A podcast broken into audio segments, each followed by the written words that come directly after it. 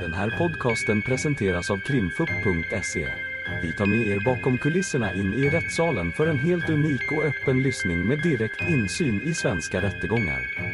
Vi vill varna för känsligt innehåll då denna podcastens fokus är brottmål och ljudfiler från verkliga förhör.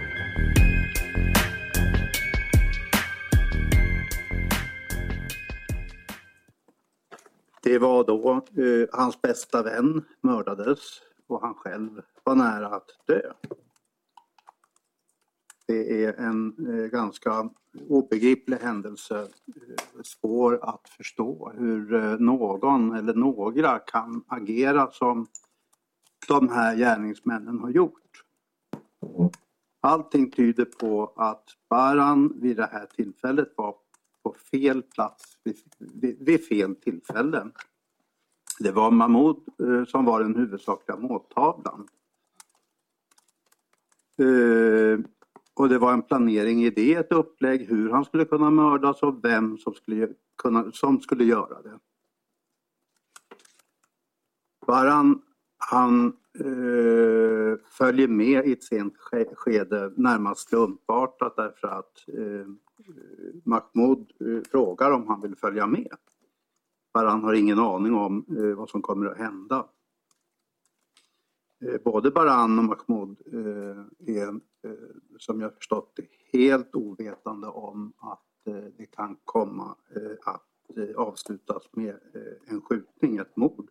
Ingen av dem har något vapen med, ingen av dem har någon skyddsväst på sig, ingen har något som helst förutom sina vanliga kläder.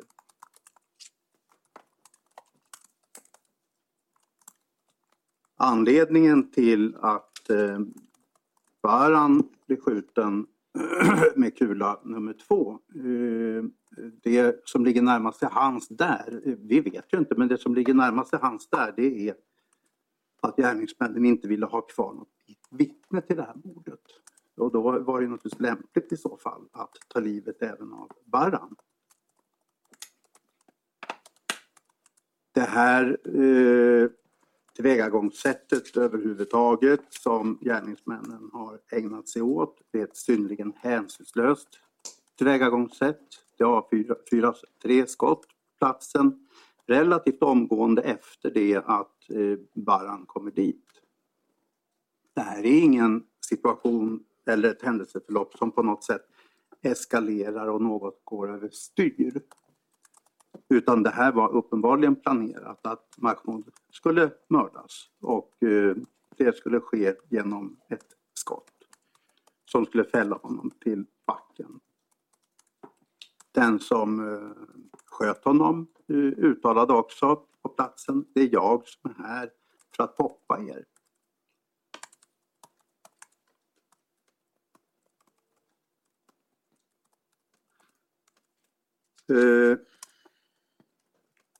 när man väl har... Eh, ja, när Baran eh, blir skjuten då har han sån tur att eh, han inte avlider på grund av den här skottskadan. Eh, det är en ren slump. Eh, hade han inte fått läkarvård eh, tämligen omgående så hade han också avlidit. Han lyckades springa därifrån och det var ju det, kan vi tänka oss, som räddade hans liv. Och att han sen blev omhändertagen av sjukvårdspersonal. När han flyr ifrån platsen då hör han ytterligare ett skott bakom sig. Eh, och det har han berättat om. Och i den situationen som Baran då befinner sig i så tror han att man skjuter efter honom och han börjar därför springa zigzag för att på något sätt försöka komma undan en eh, skada, ett, ett skott till. Nu vet vi ju emellertid att gärningsmännen inte sköt efter honom utan man sköt ytterligare ett skott mot Mahmoud när han låg ner och det belyser väl ytterligare hänsynslösheten i det som gärningsmännen har ägnat sig åt. Man skjuter på en liggande försvarslös person. Det är en, eh, ja, det, man kan inte säga avrättning utan det är mord. Eh, avrättning det, det sker ju eh, via lag normalt sett så att säga. Ett fullständigt hänsynslöst mord. Vi har att göra med, med, med ynkryggar skulle jag säga. fega mördare som eh, ägnar sig åt, och att bete sig på det här sättet.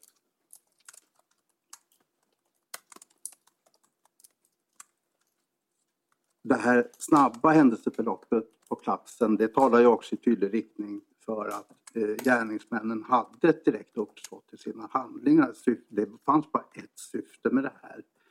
Och det var att Mahmoud skulle dö och när nu även Baran kom dit, ja då gällde ju detsamma för honom. Och det här har gått snabbt på platsen. Eh, det är klart att Baran har påverkats som människa och kommer att påverkas som människa under lång tid eh, av det som eh, de här ynkryggarna har utsatt honom och hans bästa kamrat för. Hans kropp skulle läkas, han ska brottas med känslor och tankar utifrån vad en sån här handling för med sig. Ja, han kommer att bära minnena från eh, den här, eh, det här fullständigt vidriga under resten av sitt liv. Han har flyttat från Söderhamn. Han klarade inte av att bo kvar. Inte ens hans familj kunde bo kvar. Eh, och vi har hört Barans syster som har beskrivit i sitt vittnesmål hur det här har påverkat familjen. Och hur det alltjämt påverkar familjen. Eh, jag menar att eh, åklagaren har förmått eh, med tillräcklig bevisning styrka att det är Liam, Abbe och Kakush som är gärningsmännen i det här mordet det är alltså ställt utom allt rimligt tvivel att de har gjort sig skyldiga till den här, gärning, till den här förskräckliga gärningen. Liam Abbes förklaringar är rena efterhandskonstruktioner. Båda två har ändrat uppgifter under förundersökningen och ingen vill heller tala om vem det är, eh, vem det är som är med dem, vem det är som är mörd, den faktiska skytten rättare sagt. För mördare det är de alla tre. Handlingen har varit planerad, det kanske jag redan har nämnt. Eh, det finns ingen rimlighet i att Kakush skulle hämtas just den här kvällen i februari om det inte var för att han skulle utföra det här mordet. Hans telefon är sedan inaktiv, liksom Abbes telefon på tidpunkter som talar för planläggning. Liam ger sin telefon till Bodin och till det här ska vi också komma ihåg Bodins uppgifter, DNA och tändsatspartiklar. Vad gäller skadeståndsdelen då eh, så går ju inte det här naturligtvis att ersätta med pengar. Men det finns ju inget annat sätt än att ersätta det på. Eh, det är ett livslångt ärr, ett livslångt lidande på, på sitt sätt. Eh, Baran har mötts av ett fruktansvärt våld, helt oförberedd på det här. Han har inte haft den minsta chans överhuvudtaget att komma undan och som sagt det var en ren slump att han överlevde. Han går dit helt obeväpnad, har ingen förberedelse för det här. Man kan bara tänka sig eh, hur Baran mådde när han inte orkade springa när han eh, la sig ner i gräset och trodde att han skulle dö. Vad gäller Eh, ja, det yrkade skadeståndet, det ska dömas ut. Och jag ska väl säga, eh, det tror jag kanske glömde, jag, jag eh, Eh, delar också de kloka ord, jag ansluter mig till de kloka ord som såväl åklagaren som eh, andra andra målsägandebiträdet har fört fram redan eh, beträffande sved av verk. Ja, där är det ju så att Baran har haft både psykiska och fysiska skador till en nivå som berättigar honom till ersättning. Han var inneliggande på sjukhus i fem dagar. Han hostade då blod och hade ont och svårt att andas under den tiden. Och han är därför berättigad till en högre ersättning under, under sjukhustiden. När han skrevs ut eh, så var han inte i särskilt bra skick. Eh, min kollega Hanna Hedlund som ju är den ordinarie, det ordinarie målsägandebiträdet var med Baran på förhör 10 mars, 18 mars och 4 april. Hon hämtade honom vid de här tillfällena. Och han eh, rörde sig med ja, sakta till bilen. Han hade fortfarande ont. Han eh, kunde inte heller ta sig till polisstationen på egen hand. Han hade svårt att röra sig. Hos polisen så fanns det en, så skulle man gå upp en trappa för att hålla förhör. Det fanns inte tillgång till hiss och det där var väldigt besvärligt för Baran att ta sig upp. Helt enkelt. Baran har inte varit till läkaren efter det att han skrevs ut från sjukhuset. Eh, vid den här händelsen så gick Baran i skolan eh, och i och med händelsen så hoppade han av skolan. Han klarade inte av att genomföra den varken psykiskt eller fysiskt. I en sån här situation då reagerar naturligtvis människor olika och Baran har inte använt sjukvården till hjälp efter de fem dagarna. Vilket han naturligtvis borde ha gjort, men han klarade inte av att göra det. Hans liv splittrades i och med händelsen och han kunde alltså inte slutföra skolgången. Och det finns ju därför inga sjukskrivningsintyg heller. Men ersättning för svedavverk ska ju faktiskt utgå för den tid man har varit berättigad till sjukskrivning om man sökt läkare. Och det menar jag att det får man eh, ta för gott. Att han skulle ha blivit sjukskriven eh, om han hade kontaktat läkare så beloppet ska dömas ut i den delen. Eh, sen ska väl också tilläggas att eh, det är väl en något eh, knepig, eh, knepig diskussion kanske eller påstående men eh, ersättning för kränkning, ja det eh, är självklart i en sån här situation att han ska tillerkännas.